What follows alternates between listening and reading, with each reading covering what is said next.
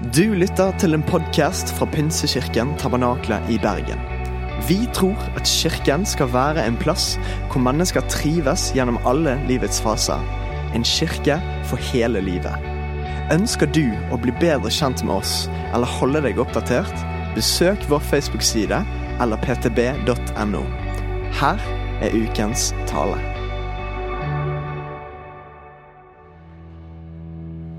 For en eh, glede å liksom bare være her sammen med dere. Jeg kjente skikkelig på det. Eh, Det var liksom påske, og da hadde vi ikke sånn eh, søndag kveld. Og så var jeg og prekte i Frikirken forrige uke, så da kjente jeg skikkelig på det. Nå, nå gleder jeg meg til å være på søndag kveld. Jeg har gleden av å være på formiddagen òg. Barnevelsignelser, og det var god stemning. Det er veldig interessant med barnevelsignelser, for da, da er nesten som man liksom hører at det rasler i eggstokkene i salen. For det er liksom så utrolig skjønt, da. Med de her barna, så smiler de, og så Nei, det var veldig fint. Så, så jeg, det kommer til å komme en sånn babyboom etter den eh, i dag. Men du, det er jo kjekt med fint vær. da. Vi må snakke om det nå når det er det. Det er liksom Det er jo litt sånn Det blir vanskelig å ikke Jeg føler jo alltid det er sol, for det er litt sånn lys på oss. Det er for at jeg skal holde humøret oppe, så det er fint. Men det er jo fantastisk fint nå. Du, Vi er i denne nydelige taleserien som, eh, som, eh, som heter 'Fryktløs'.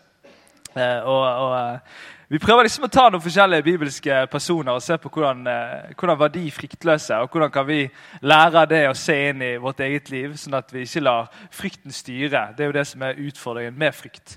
At det styrer oss. Eh, og Jeg må starte med å fortelle en fortelling. og Den er gammel. Er det lov å bruke gamle fortellinger? Ja. For det, det er 21 år siden. Jeg var ni år gammel, eh, og jeg skulle på skitur med min far eh, og min søster og min bror. Eh, Og Vi skulle gå på en, en relativt heftig tur, som er da til Kvittingen. Som er en av de liksom lengste toppene du går til på Kvamskogen. Eh, Og eh, det som var greia var at Oppover gikk det veldig bra fordi vi hadde sånne feller under skiene. Det er sånn pels under skiene som gjør at, at du ikke sklir bakover. Eh, og Det var greit, det var egentlig litt sånn uh, typisk sånn uh, halvpåskeføre. fordi at det var helt hardt. Det hadde vært varmt, og så hadde det blitt helt hardt, og så kaldt, og så ble det helt hardt. Og så var det sånn skareføre. Og da er det sinnssykt bra med feller. Så da går du på en måte, du kan nesten gå rett opp fjellet. liksom. Så oppover gikk det bare helt nydelig. Og så oppe på toppen der så tar jo man av seg fellene fordi at man da skal kjøre ned igjen. Og det, det er litt bedre å kjøre uten feller ned igjen. Og da oppdaga jo jeg at mine ca. hvor, hvor mye veier man når man er ni år? 30 kilo? Jeg vet ikke. De, de i hvert fall, Jeg var veldig liten og tynn. og det var jo sånn at eh, da når jeg skulle kjøre nedover, så gikk det på en måte like fort eh, sidelengs når man da skulle skrense, som det gikk rett fram. Eh, og min søster hun var jo fem år eldre enn meg da òg, og hun, hun hadde ikke stålkanter. Og det er dårlig stemning. Det er sånn at du har liksom jern på siden av. Sånn at du skal, feste. så hun hadde i alle fall ikke feste. Eh, og eh, det begynte å bli ganske fort ganske dårlig stemning. Min søster hun, hun, eh, hun begynner først å liksom falle i panikk. Og så begynner jeg. For det er det som er greia når du kjører ned fra Kvittingen. Det er at liksom du har liksom Kvamskogen på den ene siden, og så har du Hardangerfjorden på den andre siden. Og jeg var ganske sikker på at hvis jeg falt, eller hvis jeg ikke klarte å styre, så kom jeg til å skli ned i Hardangerfjorden. Eh, og, og, og min søster hun mente at vi måtte ringe helikopteret. Og det var egentlig ganske sånn eh, krisestemning. Men min far han holdt roen. vet. Og han, han liksom var, og det er litt sånn her, altså noen ganger så tenker, Hvis jeg skal tenke liksom på en fryktløs person, så tenker jeg på han da. Han var liksom bare, han hadde full kontroll. Det føltes veldig sånn. Han måtte til og med liksom sikre oss, så han gikk først, og så satte han staven for at ikke jeg skulle skli. og liksom, Men han tok så vare. Jeg bare kjente meg trygg med han, selv om jeg liksom kjente på frykt. Og så har jeg liksom snakket med han etterpå. da. Og så har jeg så snakket litt med naturen. så jeg bare, husker du den gangen liksom? Og da ser jeg så på at han var ganske redd, han òg. Jeg ser han forteller jo det var litt voldsomt. det der. Liksom, han blir så, eh, og det er så sånn, jeg er utrolig glad jeg ikke visste det der. da. For Hvis jeg hadde skjønt at han var redd, da hadde jeg tror jeg hadde gravd meg ned der oppe. Men jeg vet ikke, om- liksom, du har det sånne, Hvis jeg sier liksom, tenk på en person, en, en som er fryktløs Jeg vet ikke om det liksom dukker opp noe i hodet ditt. Kanskje er, det liksom, kanskje er det pappaen din du har tenkt på siden jeg fortalte den historien nå. Kanskje er det Supermann, fordi han er kjempesterk. Kanskje er det, er det liksom Pippi, for hun kan løfte hesten sin. Eller kanskje er det liksom, du tenker liksom Cristiano Ronaldo. Han er litt sånn, sånn ekkel. Ja, men ekkel fryktløs, hvis du skjønner hva jeg mener. Ikke, han er ikke ekkel, men han er ekkelt fryktløs. Han er sånn, Jeg er så sykt god i fotball at jeg frykter ingenting. Og så ser han litt sånn, sånn ut. Og så er det på en måte det som går litt igjen. da det er jo at, at, at, at, de som er fryktløse, som iallfall jeg tenker på, er folk som på en måte er utrolig flinke på noe, eller har evner som gjør at de trenger ikke å frykte noe annet, fordi de er liksom over alle de andre.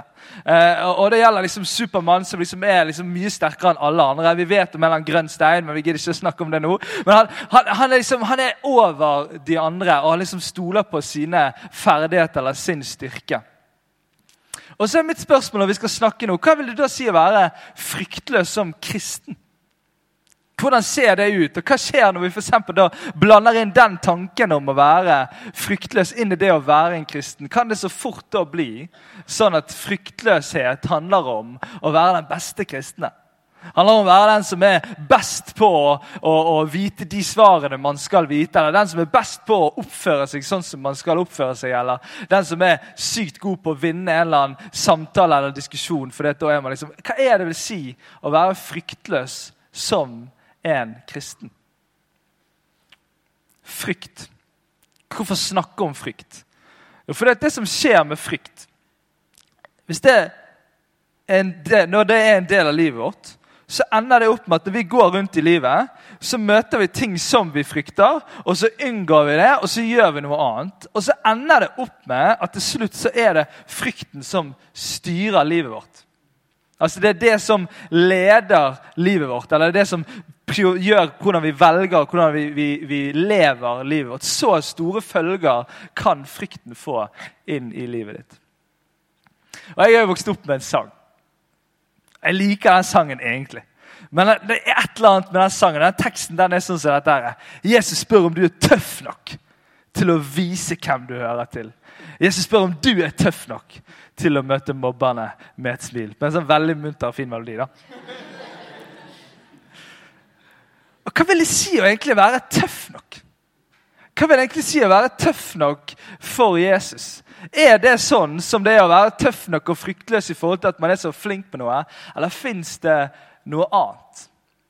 Og Jeg vet ikke om det i ditt hode dukket opp en gråtende prostituert dame når du tenkte på det å være fryktløs. Men det ønsker jeg at du skal tenke på etter denne kvelden her. Og Vi skal gå inn og møte kveldens person. Forrige uke så snakket Benjamin om Sara, som var Abrahams kone, som på en måte levde i det umulige. Og på den måten så, så vi noe fryktløst over hennes liv, der hun òg ja, var med å føre den slekten videre som Jesus kom ut ifra. Og så skal vi i kveld snakke om en kvinne. De vet ikke navnet på henne engang. Det diskuteres veldig fram og tilbake hvem det kan ha vært. for Det er noen parallelle fortellinger i de andre evangeliene. altså Man har fire evangelier som forteller om, om, Jesus, og så er de skrevet litt på forskjellige måter. og Så er det noen forskjellige historier som lurer kan det være hun Maria eller kan det være hun eller hun. Men vi vet ikke helt. Det er kvinnen. Vi skal snakke om kvinnen. Og så skal jeg lese en fortelling for dere. Det er ikke så lenge siden jeg leste denne her i kirken. Eh, men vi skal lese og bruke denne fortellingen en gang til. Og Det står i Lukas 7, 36-50. Og Denne fortellingen er så nydelig og er så fullt av så mye at jeg håper at du bare får lyst til å lese mer i Bibelen etter at jeg leser denne historien for deg. En av fariseerne innbød, altså de religiøse lederne på den tiden Jesus levde, innbød Jesus til å spise hos seg. Og Han gikk inn i fariseerens hus og tok plass ved bordet. Nå var det en kvinne der i byen som levde et syndefullt liv. Da hun fikk vite at Jesus lå til bords i fariseerens hus, kom hun dit med en alabastkrukke med fin salve. Hun stilte seg bak Jesus nede ved føttene og gråt. Så begynte hun å fukte føttene hans med tårene og tørket dem med håret sitt. Hun kysset føttene hans og smurte dem inn med salve. Da fariseeren som hadde innbudt ham, så det, tenkte han med seg selv. Var denne mannen en profet, altså en som kunne vite hva Gud visste, altså vite alt? Ville han vite hva slags kvinne det er som rører ved ham? At hun fører et syndefullt liv? Da tok Jesus til orde. Simon, sa han til fariseerne, jeg har noe å si deg. Si det, mester, svarte han. Jesus sa, To menn hadde gjeld hos en pengeutlåner. Den ene skyldte 500 denarer og den andre 50. Men da de ikke hadde noe å betale med, etterga han dem begge gjeld. Hvem av dem vil da holde mest av ham? Simon svarte. Den han etterga mest, tenker jeg. Du har rett, sa Jesus. Så vendte han seg mot kvinnen og sa til Simon.: Ser du denne kvinnen? Jeg kom inn i ditt hus, du ga meg ikke vann til føttene mine, men hun fuktet dem med tårer og tørket dem med håret sitt.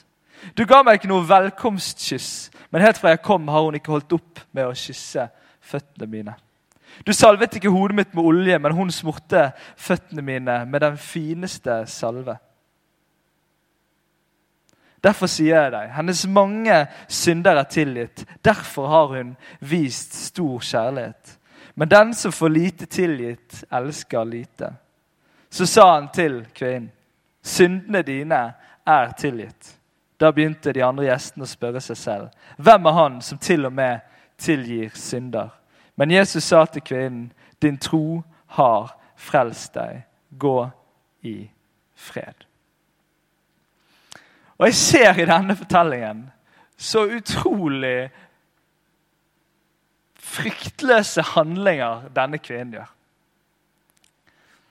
Og Det begynner med noe så enkelt som at hun går inn i det huset.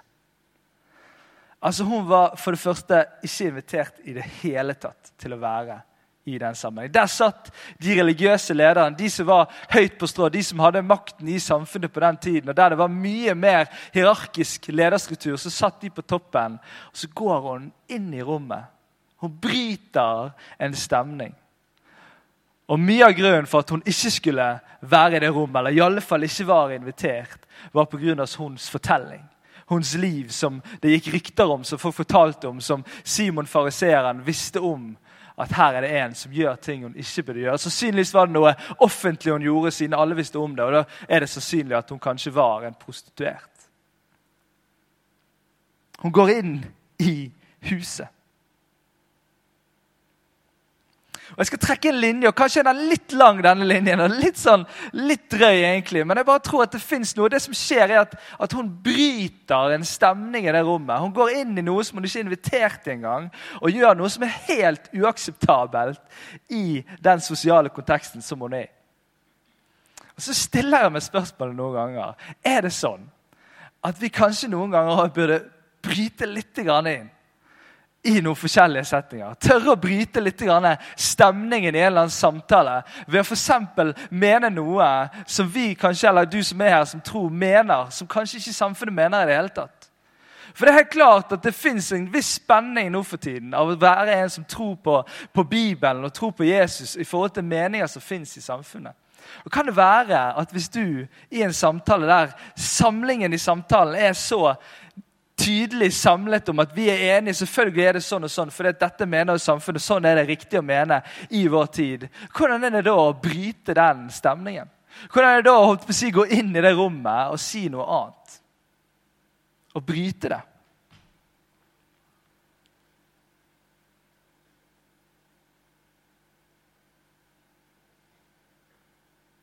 Kan det være at vi kan være litt tydeligere? Ja, men det er så fryktelig mange som har vært dårlig tydelig tidligere.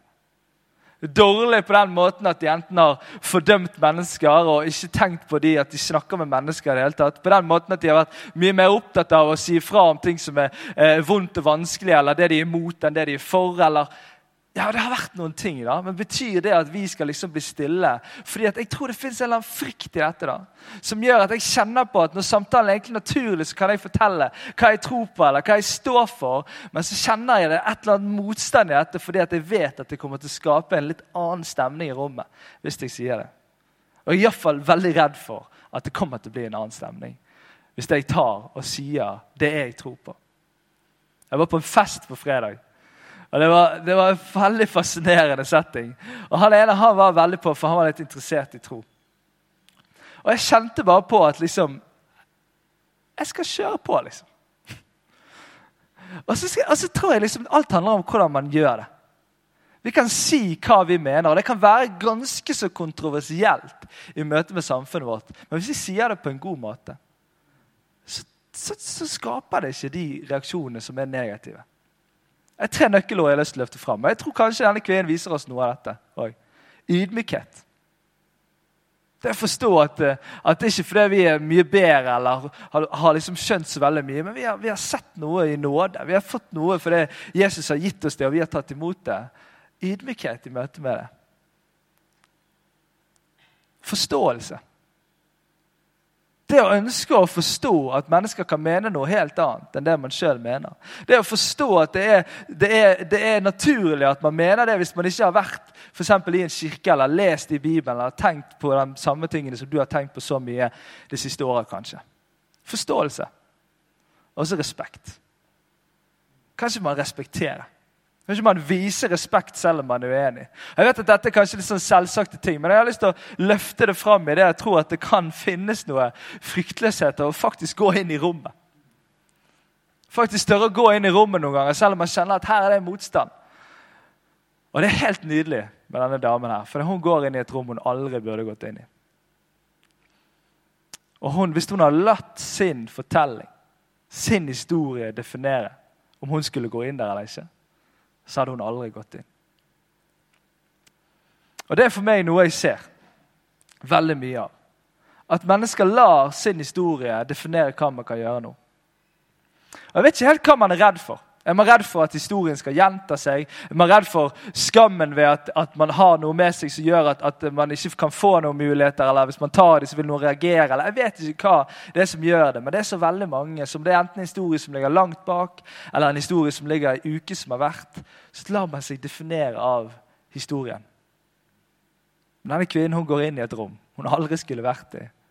Hun lar ikke historien definere hva hun kan gjøre.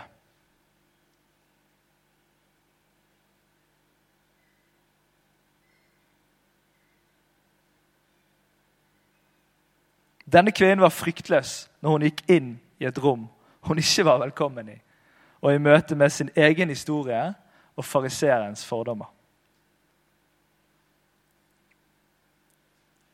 Og så gjør hun noe. Hun begynner å smøre en salve på Jesus sine føtter. Og Denne salven, hvis man går inn og ser på hvor mye den var verdt, så kostet, kostet den ca. 300 denarer.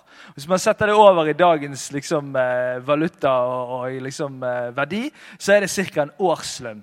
Det vil si 300 000-400 000, kanskje en gjennomsnittlig årslønn. Så mye kostet denne salven.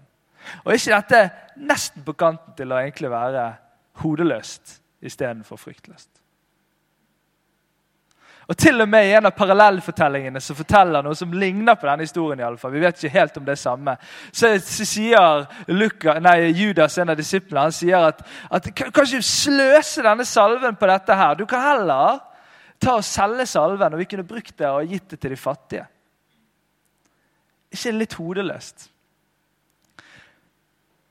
Det hun gjør, viser at hun gir alt. Hun gir alt. Hun eide sannsynligvis ikke så veldig mye mer enn denne salven. Hun gir alt. Er det blitt litt sånn på ditt studiested eller i din vennegjeng at er, man ser litt ned på de menneskene som gir alt? Som handler om at man overgir seg til noe. Det er nesten litt sånn hodeløst. Det å være radikal, det å være overgitt til noe, er litt sånn ureflektert og kanskje litt sånn hodeløst. Er det sånn fortellingen om Jesus når han inviterer folk til å følge han er? At det er liksom blind tro? Kom, bli med meg, lukk øynene og, og tål alt ikke du forstår, og bare bli med på greiene. Eller er Jesus en helt annen leder, en helt annen å følge? Jeg opplever av og til det når jeg skal liksom gi meg jeg skal kjenne meg, gi meg helt, så bare, ja, men er ikke det litt sånn her, er ikke litt enkelt som menneske hvis jeg skal bare gi meg fullt? liksom? Skal ikke jeg holde litt igjen og være litt reflektert på noen områder? Vise at jeg liksom er litt uenig? eller Er ikke det et eller annet liksom litt sånn hodeløst med det? Å gi seg til noe. Jesus han møter forskjellige mennesker, og det er så langt unna hodeløst, det han holder på med. Han tar så på alvor menneskene sine liv og skaper refleksjon inn i livet deres. Nikodemus, en, en, en av de skriftlærde som kommer på natten til Jesus og begynner å spørre han spørsmål. En filosof, en som kunne de dype måtene å snakke på. Så begynner Jesus, så møter han det der, Nikodemus, så begynner han å forklare hva det vil si å være en kristen. Og Så møter han der, så skaper han refleksjon. Det samme gjør han når det er en som prøver å komme for et enkelt, kanskje litt sånn blindt trosvar. Hva kan jeg gjøre for å komme til himmelen? Jeg er perfekt, jeg gjør alt jeg skal gjøre. Så sier Jesus, gå bort og selg alt du eier. For han visste at denne mannen hadde fått en kjærlighet til rikdommen sin. Så skaper han refleksjon i livet. Ikke alltid at det er en, en, noe som kan føles så godt, men det er ment godt fra Jesus' sin side. Så skaper han refleksjon. Jeg tror vi må ta tilbake overgivelsen. Jeg tror jeg har for mye frykt knyttet til det. At vi er redd for at det å være overgitt kan bli uglesett eller sett på ned på. Eller at vi kanskje òg er redd for å miste en eller annen kontroll.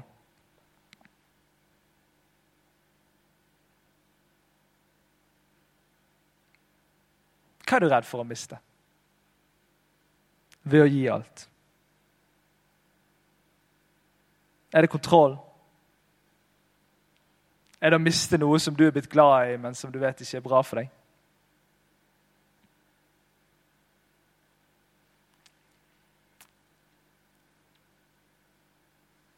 Det er helt klart at større innsats gir også større risiko.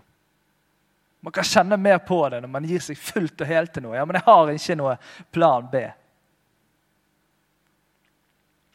Men med større innsats er det mer å vinne. Og hør da, Hvis Gud vet, hvis det er sånn at Gud vet hva som er best for oss,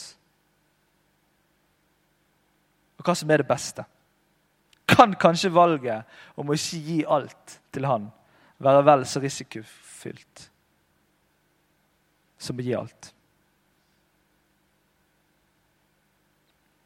Denne kvinnen var fryktløs gjennom at hun gav alt hun hadde, til Jesus. Og så griner hun. Hun gråter. Jeg vet ikke når du sist gråt i en sosial setting. Rundt et bord med mennesker du ikke kjente så godt. Jeg vet ikke når du viste sånn, sånne følelser som kan ligge bak en gråt. Sånne dype, vonde følelser. Om du viste det til andre mennesker. Du vet at i, i Norge så er vi underutviklet på å vise følelser. Vi er helt håpløse på det. liksom. Kommer du liksom sørover i, i, i verden, så er de helt rå på det. På godt og vondt. da. Jeg var i India noen ganger og jeg tenkte nå blir det slåsskamp. For det, De der to de diskuterer noe voldsomt. Så var det en eller annen tomat i en eller annen salat. Det var liksom ikke noe voldsomme greier. For det, de, de, bare liksom, de bare blir så voldsomme, sant? for de bare viser alt som skjer, og kanskje litt ekstra noen ganger. Du, det koster å vise noen ganger hva som skjer på innsiden. Koster noen ganger å la det bli synlig.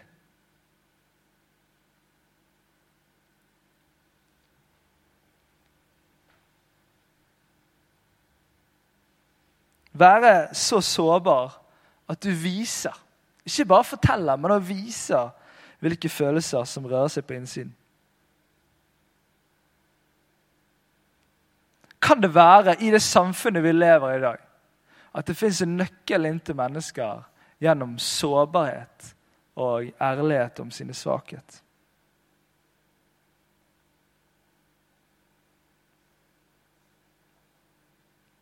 Er det noen deler av ditt liv som du har pakket inn i en slags stolthetspapir for å skjule noe du ikke vil at folk skal se? Jeg har lyst til å utfordre deg til å pakke det ut. Pakke av stoltheten. Hva er det vi er redd for? Hva er det du er redd for? Er det å miste ansikt? Er det å miste status? Er det å miste den masken som vi har bygget opp?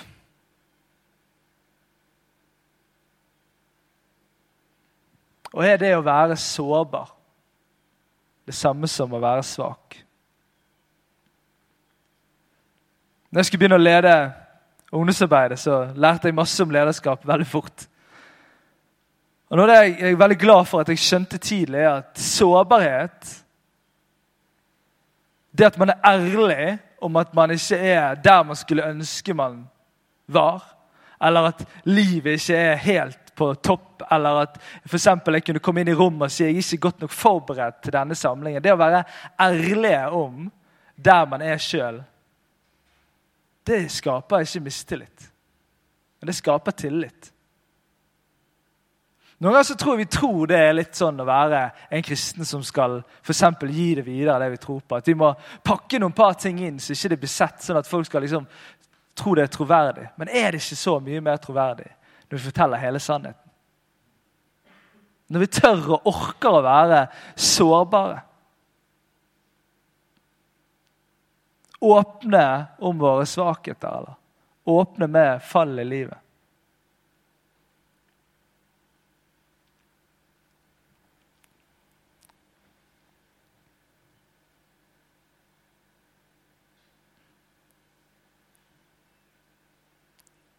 Å leve gjennomsiktig liv, det er ikke bare noe man der man bare viser sine gode sider, men også de vonde. Og det koster. Men hør, da. Det er så mange mennesker som lengter etter et fellesskap.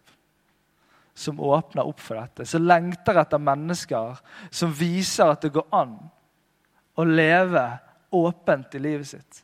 At det går an å ta med seg disse tingene, den fortellingen, den historien, de tingene som rører seg på innsiden, inn i et fellesskap, og ikke måtte lukke det inne en eller annen plass for å beholde en eller annen maske på. Jeg tror det ligger så mye kraft i dette. Om det får prege et fellesskap. Både for de som er i fellesskapet, men også for de som kommer inn i fellesskapet. Men det koster. Men kan det være vi har noe å lære av denne kvinnen? Så på en måte kanskje ikke hadde så mye mer å miste. Og så griner hun. Hun griner og tørker beina til Jesus med tårene.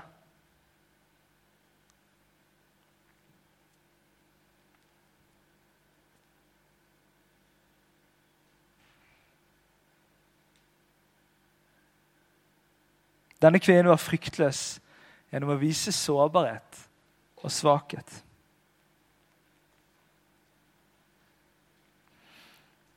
Men dere, hvorfor, hvorfor er denne kvinnen fryktløs? Det står i bibelteksten som vi leste, at hun visste at Jesus var der. Derfor gikk hun inn. Hun ville aldri ha gått inn i det rommet om ikke Jesus var der. Og Fortellingen ville vært helt annerledes hvis hun hadde gått inn i det rommet uten at Jesus var der. Hun hadde risikert livet sitt hvis ikke Jesus var i det rommet. Det ville vært en helt annen fortelling. Alt endret seg i at Jesus var der. Og det er det jeg tenker Vi må bare stole på det at Jesus er i de rommene vi skal gå inn i. Han er der, og han er annerledes enn andre. For han ser ikke der fariseeren Simon så hennes synder, det livet hun har levd, hennes fortelling. Så så Jesus hun. Han sier til Simon, 'Ser du denne kvinnen?' For han, akkurat som han bare roper det ut til Simon. 'Du har ikke sett henne ennå. Du har bare sett fortellingen hennes, du har bare sett fordommer, du har bare sett alt det som verden rundt ser.' 'Men jeg ser noe annet', sier Jesus. Og Jeg bare ber om at jeg skal få de øynene som ser mennesker. Som ser forbi alle disse tingene som vi så fort henger oss fast i, eller som vi så fort vil se tidlig i møte med noen mennesker. Vi får lov til å se menneskene, se hjertene. Jesus var helt annerledes. Og Vi tenker jo at, at selvfølgelig var Jesus sånn, og lederskap i dag er jo ganske sånn. Men altså, den forskjellen på Jesus og de lederne på den tiden er helt enorm. Og hun har oppdaget det. Derfor var det fordi Jesus var i rommet, at hun var fryktløs nok til å gå inn i rommet. Det samme er med Peter. Han står i båten. Og så kommer det, De tror det er et gjenferd først. Blir de redde, og så oppdager de at det er Jesus. Blir de glade. Og så, og så kommer Peter på den gode ideen om at han vil gå på vannet. Og så er det som avgjør, det at det er Jesus som står der ute. Så spør han kan jeg få komme til deg. Og så går Peter på vannet. Ja, Han synker etter hvert, men han går på vannet. Og Jesus var der.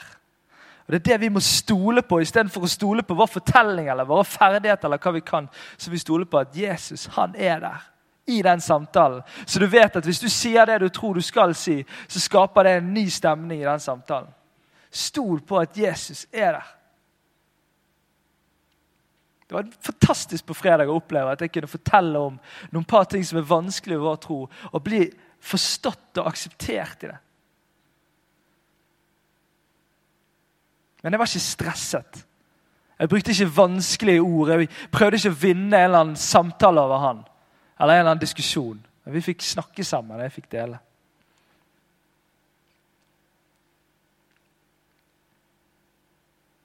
Hvorfor gir hun alt? Til Jesus. Kanskje har hun prøvd å gitt alt til mange. Opplever at å bli sittende igjen alene, såret, uten noen. Så oppdager han at det fins én det er verdt å gi alt til. Og en der du ikke mister alt når du gir noe til han, men du får alt.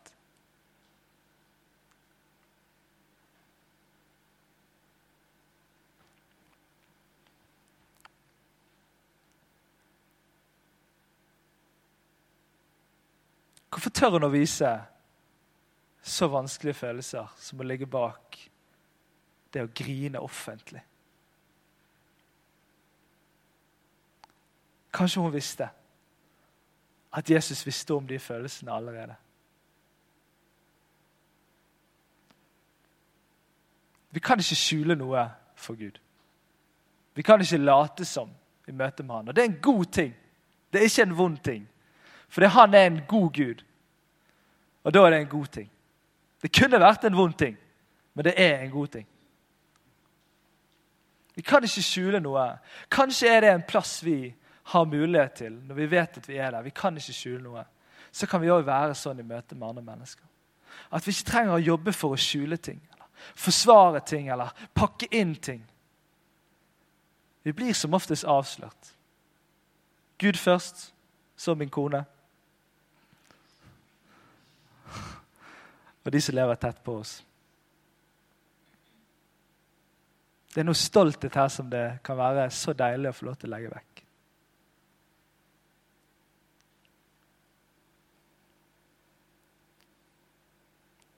Kanskje hadde livet hennes ført fram til at hun ikke hadde så mye igjen av det. Jeg tror ikke man trenger å leve et sånt liv for å komme til det punktet. Jeg tror man kan få lov til å legge det ned i dag. Låsestimen kan få lov til å komme fram.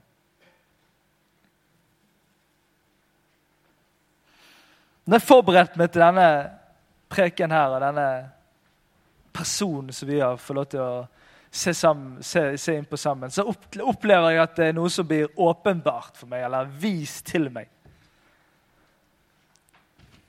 Og det er at den eneste posisjonen for et fryktløst liv er ved Jesus sine føtter, der denne kvinnen sitter. Der hun sitter fordi hun hadde så at det var Jesus som var der, og jeg kom til ham. Uten å la seg styre sin fortelling. Og der han gir alt til ham.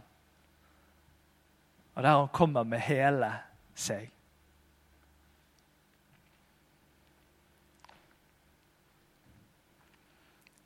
Når samtalen fortsetter, så sier Jesus at denne kvinnen har blitt tilgitt mye, derfor elsker hun mye. Og jeg tror det er mulig for oss at frykten blir byttet ut med kjærlighet. At vi istedenfor å frykte en eller annen samtale som vi skal ha, eller en eller annen eh, valg om å gi alt, så kan vi få lov til å bli fylt av en kjærlighet som driver oss til det. Jeg tror den frykten kan byttes ut med kjærlighet. For det er ikke gjennom styrke og overmot at vi når et fryktløst liv som kristne, men gjennom ydmykhet og sårbarhet.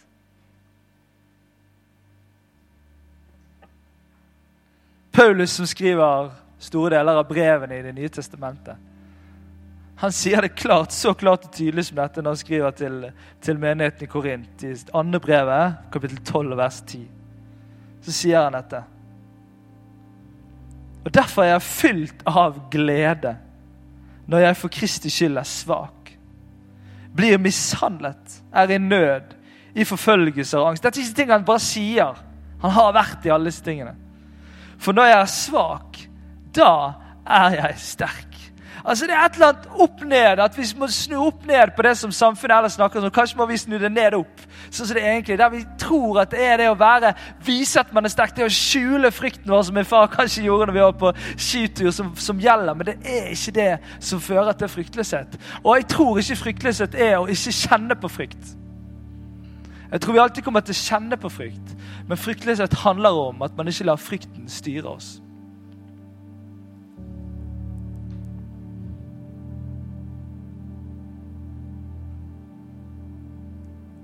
Så handler det om å gå inn i rom. Du trenger å gå i, eller andre mennesker trenger at du går inn i. Det handler om å gi alt, selv om det kan virke litt hodeløst. Det handler om å være sårbar. Gjennomsiktig. Og så handler det om Jesus. Få lov til å sitte ved hans føtter, få lov til å ha den posisjonen av å være tilgitt mye og få lov til å elske mye. Du har lyst til å reise deg opp.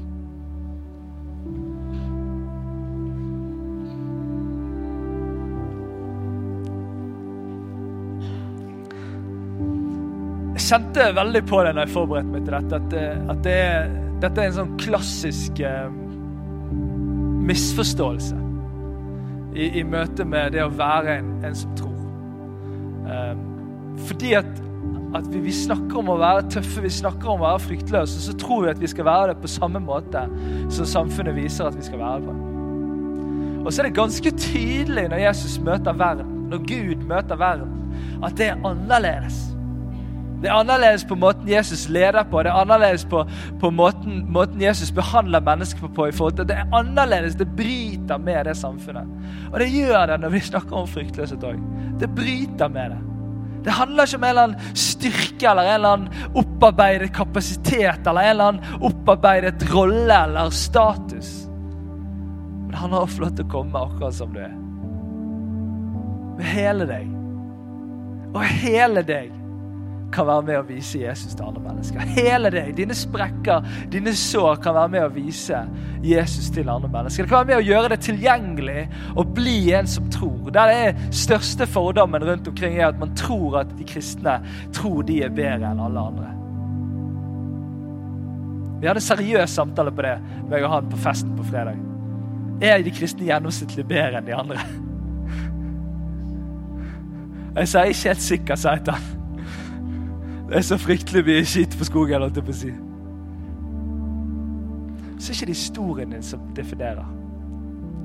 Det er noen morgener jeg skal preke, og så skal vi ut av huset. Og så gjør hele familien min seg bra. De bare går imot meg, liksom. Tre mot én. Og det bare er så dårlig stemning.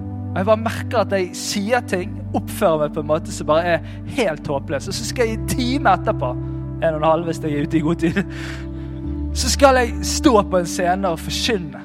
Skal jeg stå og, og fortelle noe med hele meg. sånn er det å leve. Sånn er det å få lov til å, både leve og lede og følge Jesus. Da er vi der med hele oss, og det er fullt av litt drit av og til òg. Jeg kunne aldri orke å gå på den scenen hvis min fortelling de siste timene avgjorde om jeg kunne stå der. Jeg hadde jeg orket å stått i lederskap i en kirke hvis min fortelling, hvis min russetid, skulle definere. Jeg hadde aldri orket det. Jeg er så glad for at Jesus er annerledes.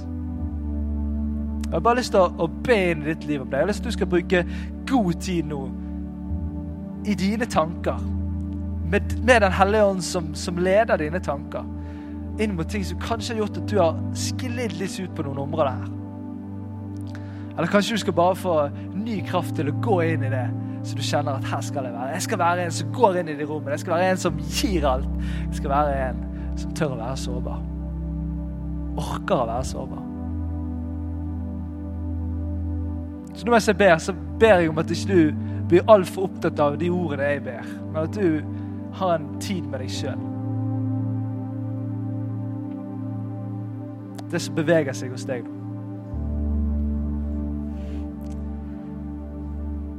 Takk, Jesus, for at du er annerledes.